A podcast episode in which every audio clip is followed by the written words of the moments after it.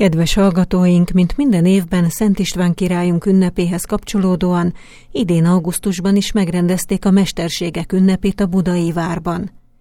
Ez a pesgő nyári forgatag a hazai népi iparművészet, a hazai kézművesség legnagyobb ünnepe.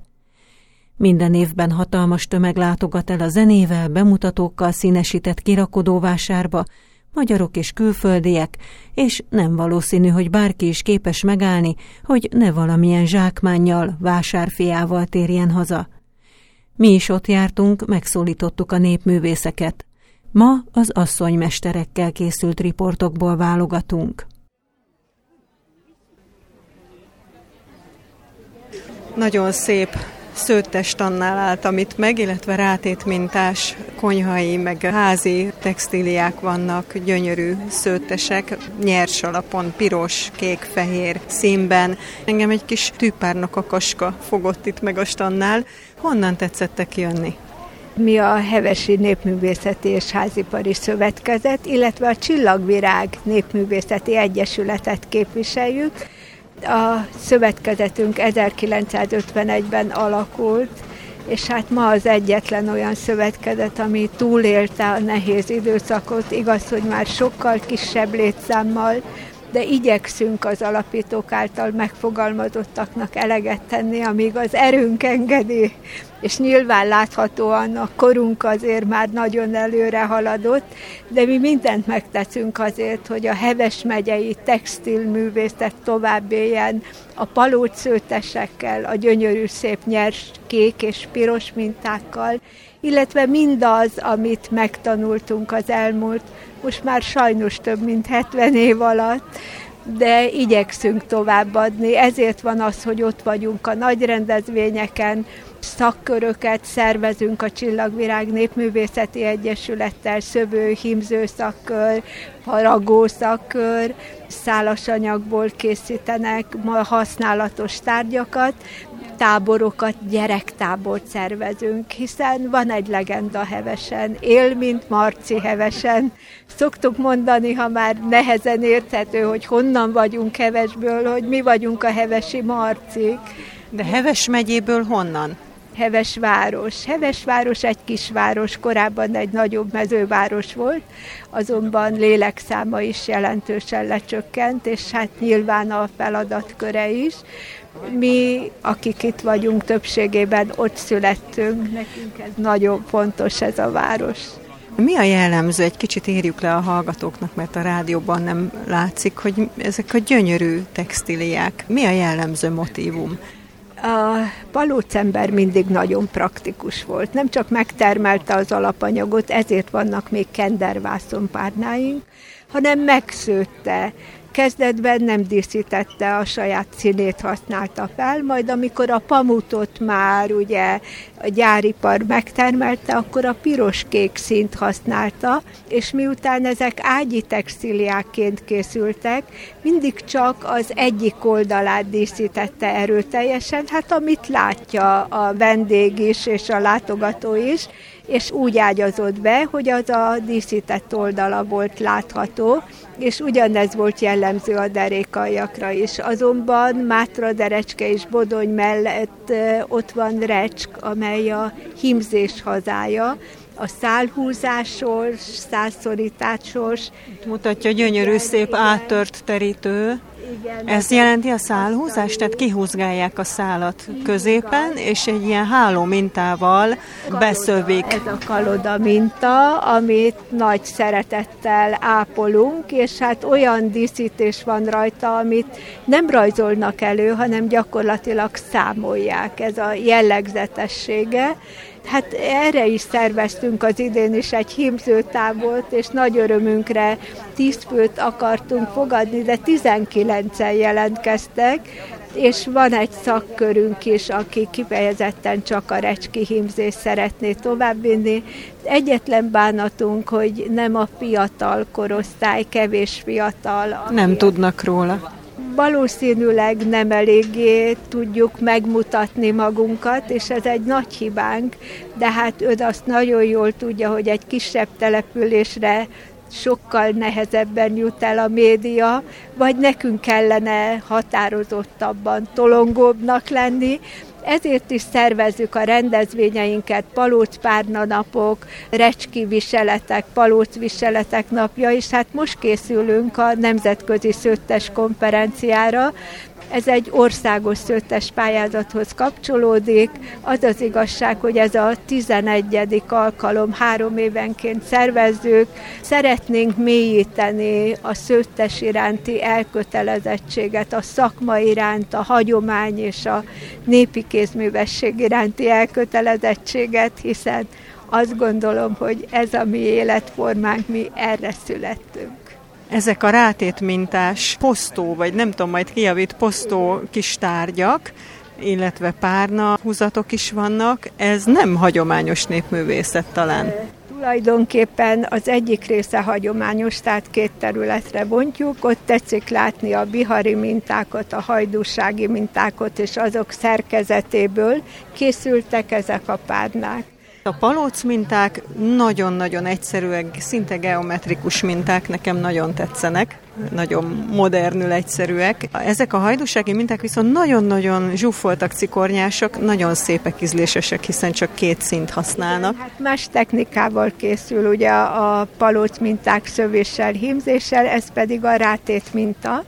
Először meg kell tervezni a tárgyat, aztán amikor megrajzolja a ponák oldalán, a hátoldalán, utána a varrás, és a varrás után pedig a kivágás. Minden apró motivumot kivágunk, ezt mutatjuk be a következő sátorba, a Csillagvirág Népművészeti Egyesület két tagja mutatja be, nagyon aprólékos, nehéz munka. Na most nem akartunk csak a hagyománynál, hanem egy kicsit tovább léptünk. Egy amerikai alapítványjal dolgoztunk együtt, tulajdonképpen velük terveztük át a miskát, a magyar fiút, a magyar lányt, a pávát, igen, ilyen kakaskás pénztárca, meg rátét mintás, nagyon színes, de mégis azért a népi utánérzést őrzi. Technikában abszolút ugyanaz, mint a szőrátétes technika. Heves mellett volt valamikor hatrongyos, most már sajnos csak a puszta telek látható. 14 kilométerre van tőlünk. Móra Ferenc meséi, hatrongyosi kakasok. Nagy kár, hogy ma már az óvodába is kevesen hallanak róla, pedig gyönyörű szép mesék az állatokról szólnak, így a kakasokról is, és mi ezt akarjuk, hogy valahogy a gyerekek közelébe vigyük, és azt gondoljuk, hogy ezek a kis tárgyak ebben segítségünkre vannak, úgyhogy azok a kis párnák, amiket itt látnak a kedves látogatók, azok Móra Ferenc hatrongyosi kakasok. A nevét nem mondta még, a legfontosabbat, hogy kivel beszéltem. Báder Miklósné Báder Vera köztudatban, a szövetkezet elnöke 75 óta, a Csillagvirág Egyesület tagja és a Hagyományos Értékek Megőrzésért Alapítvány kuratórium elnöke. Szoktam mondani, hogy mi egy háromlábú szék vagyunk, a termelést maga a szövetkezet viszi tovább, a termék megújításba az Egyesület tagjai, a népművészek vállalnak feladatot, és az alapítvány pedig építészeti tárgyi örökség, képzések. Talán ez a túlélésünknek az egyetlen záloga. Összefogás nélkül semmi nem megy, ezt mi megtanultuk az elmúlt 71 néhány évben, és ezt szeretnénk mondani mindenkinek, hogy az a fontos, hogy az a cél, amit ők megfogalmaztak, abba találják meg a velük együttműködő partnereket. Hál' Istennek ez nekünk sikerült. Mesterfalvi Kamilla tojásíró, megakadt a szemem, már harmadszor sétálok el a standja előtt, hogy a hagyományos mellett annyira különleges, gyönyörű motivumú tojások vannak. Milyen mintákkal dolgozik? Főként sárközi átdolgozásokat készítek. Ezekre mi a jellemző, milyen motivumok? Mert a rádióban nem látszik, egy kicsit mondjuk el. Ezek nagyon gazdag mintavilágú, főként a növénymotívumosak, illetve a sárközinél megjelennek állatábrázolások is. Főként azért kedvelem ezt a fajta tojásírást jelenleg, most úgy tűnik ezt a korszakomat élem, hogy nagyon gazdagon lehet díszíteni a tojásokat, és egyik tojás sem lesz egyforma, nem csak a színvilágra vonatkozóan, hanem magára a mintakincsre. Hagyományosan ugye a piros alapon fehér vagy nyers színű mintás, gerebjés, meg ilyen keresztbe osztott tojások. Ezt én ismerem, de itt van több színű, tehát van három színű, fekete, szürke, piros vagy fehér, piros, kétféle bézs, narancsárga, lila, türkiszkék. Spontánul jön a minta, amilyen hangulata éppen van, vagy pedig megtervezi előre papíron akár. Papíron nem, nem tervezem meg, viszont maga a sárközi mintakincs az egy adott motivumvilágú dolog, tehát viszonylag kevés a mozgástere az embernek, inkább színekben szoktam variálni, viszont nyilván egy egyedi tojásnál sosem baj, hogyha megtervezzük előre. Nagyon szép fiatal hölgy, ezt el kell, hogy mondjam, bocsánat, ne vegye inzultusnak, de inkább ilyen divatmodellnek látszik. Hogy, hogy ilyesmivel foglalkozik, hogy, mert azért ez egy magányos tevékenység, hogy az ember ül, és koncentráltan festi a tojást. Hogy, hogy tojást fest. Az az igazság, hogy a tojásírás egy csodálatos dolog, mindenkinek ajánlom, hogy próbálja ki, mert nagyon hamar eredményessé válik. Az első pillanattól a befejezéséig nem telik el sok idő, és nagyon látványos. Én csak két éve foglalkozom ezzel, eredetileg bőrművesként végeztem a Hagyományok Házában, de hát ez egy új szerelem. Nagyon szépen köszönöm. Bakó Ildikó, Király Zsiga díjas népi iparművész, ugyanezen a tojástandon. Öntől kérdezem meg, hogy mit jelentenek a motivumok, lehet -e ezt tudni? Hogy minek mi a jelentése? Részben igen, részben nem. Ez attól függ, hogy mikor gyűjtötték fel, és akkor az alkotók, vagy hát nem is az alkotók, hanem készítették őket, tudták-e, vagy ismerték ezeket a mintákat. Mert van, ahol feledésben merült az, hogy milyen minta, hogy hívják, stb. De van életfás minta, van szegfűs, mindenféle virágos előfordul, osztott mintával, vagy pedig szabadkézi mintával. Tehát minden mintának megvan a szépsége, de hogy a nevét mikor, hol felejtették el, azt nem tudni. Itt az én standomon vannak Muravidékről minták, Sárközből, és hát inkább a Dunántúli mintákat alkalmazom, mind a karcolt, mind az írott tojásokon. A karcoltojásnak nagyon messzire nyúlik az eredete. Avarkorabeli sírokban találtak karcoltojásai maradványokat. Természetesen azóta már sok mindenen keresztül ment, de a karcoltak közül a leg szebbek, az egyházi és a nemzeti motivumok, amik megjelennek a tojáson. Milyen egyházi motivumok például? Az egy lút tojás, ugye? Egy lút tojáson például a kereszt, és aztán körbe szövi a virág motivum. Színvilágban mi a jellemző? Nagyon tarkákat is látok. Ez is hagyományos, ez a szinte oroszos tarka, mint egy matrioska. Igen, ez, amit itt látunk, ez a nagyon színes, ez sárközre jellemző. Írjuk le, mert a rádióhallgatók nem látják, hogy mi minden szín és forma van rajta. Hát a sárközi tojáson, amelyik nagyon színes, ezen van lila, sárga, zöld, piros, fekete, Ugye ennek megvan a technikája, hogy hogyan lehet ezt a sok szint ezen a tojáson alkalmazni, mert nem lehet csak belemártogatni a festékbe, mint mondjuk esetleg két színnel, pirossal, feketével festünk, akkor ugye miután megírtuk, piros festékbe beletesszük, és akkor amit szeretnénk, hogy pirosan maradjon, azt lefedjük a viasszal, majd berakjuk a fekete festékbe, ettől lesz fekete alapon piros mintás. Ebben az esetben a sárköznél ugye lesz az a lila, amit először festünk, és ezt ecsettel festjük. Ez nem titok, én ezt elmerem árulni, és a Decsi vagy a Bátai asszonyoktól hallottam, és akkor azt le kell fedni viasszal. Most ezután, hogy megtörtént a lila festés ecsettel, majd a sárga festékben mártjuk, utána lehet a következő színnel már festeni. Következik a zöld. Na a zöldnél is ugyanez a helyzet, mint a lilánál, ott is ecsettel kell rávinni a festéket, majd miután ezt is lefettem a viasszal, utána már egyszerűbb lesz a móka, mert pirosba tesszük, és akkor a piros is lefedem, amit úgy szeretnék hagyni, és a végén, ha akarom, akkor a feketébe még beleteszem. És akkor így lesz ez a sokszínű fekete alapon, piros, sárga, lila, zöld Gyönyörű, dekoratív. Tényleg sajnálom, hogy ékszernek nem lehet fölvenni, mert mégiscsak egy tojás. De már elmondva is nagyon hosszú volt. Mennyi idő megcsinálni? Ezt sosem tudom elmondani, mert soha nem nézem az órát, és mindig kérdezgetik, hogy mennyi idő ez, mennyi idő az. Annyi mindenen múlik, mert vagy megfogja jól a festék, vagy kell még többször átfestegetni. Tehát egy ilyen tojást hát ötször-hatszor veszünk a kezünkben. Még akkor azt nem is mondom, hogy ugye ki kell válogatni, ki kell fúrni, ki kell fújni, ki kell mosni, és utána kezdődhet vele a mintázás. Mióta foglalkozik ezzel? Körülbelül 50 éve. Csak ezt csinálja, vagy van idézőjelben rendes szakmája is? Volt rendes szakmám, most már nyugdíjasként vagyok, és táncot oktattam egy énekzenei iskolában.